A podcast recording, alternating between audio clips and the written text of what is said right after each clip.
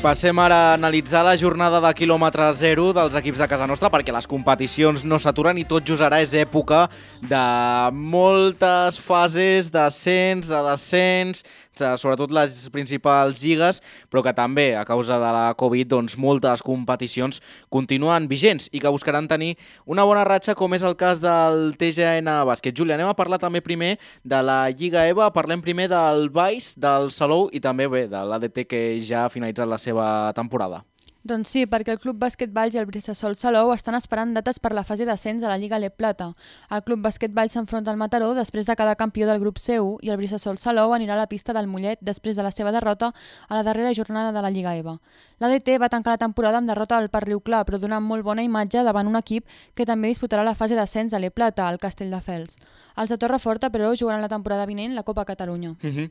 Parlem ara de la Copa Catalunya femenina. Últimes bales pel Ploms i pel Baix en el seu somni per la lluita per l'ascens i el TGN Bàsquet que podria deixar fora aquesta lluita a un rival.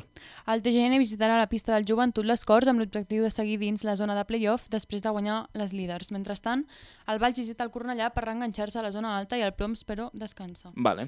Després també hi ha la Copa masculina que continua també amb el somni del CBT TV, aquest filial que ja ens hem d'anar fixant per les properes eh, perles i promeses. Veurem també qui es porta Berni Álvarez de lluitar per l'EVA i un ploms que tindrà sort en guany novament. Els reusencs, que encara no coneixen la victòria en tota la temporada i que la decisió de la Federació Catalana evitarà que perdin la categoria, descansen aquesta jornada. D'altra banda, el CBT encara vol sumir amb l'ascens rebent el seu rival directe, el bàsquet Almeda. Uh mhm. -huh. Canvi de dinàmiques també a la primera catalana femenina amb una derrota del CBT i victòria del Manyanet i l'empat al balanç del Reus Deportiu. El CBT visitarà l'AS per tornar al camí de la victòria i el Manyanet al Castelldefels per allunyar-se de la darrera posició. A l'altre subgrup, duel d'invictes pel Morell, que torna a la competició després del descens davant el Barça B i el Reus Deportiu, que rep un Prat amb el mateix balanç de dos victòries i dos derrotes. Uh -huh. I acabem amb la categoria masculina, després de la derrota per la mínima del Morell i la nova derrota de les Àguiles, tots dos equips provincials amb un balanç d'una victòria i tres derrotes. I nou rival per tots dos. L'Àguiles rep un nou bàsquet Olesa invicta i el Morell rebrà el Cué al Sama Vilanova. Uh -huh. Doncs així tenim tota la jornada de quilòmetre zero del bàsquet de casa nostra i fins aquí aquesta sisena edició del 5 inicial, el primer epíleg per aquesta fase de play-out que ens ha tocat disputar i que tindrà el primer sala al pavelló Antonio Díaz Miguel.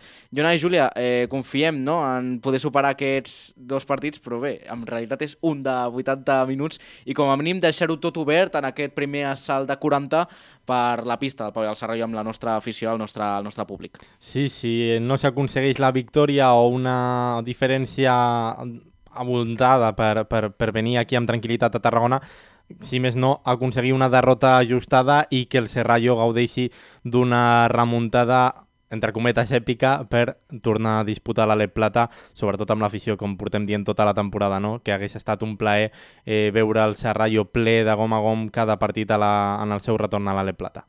-huh. L'equip és capaç de guanyar aquests dos partits i esperem que així ho faci, no? Uh -huh.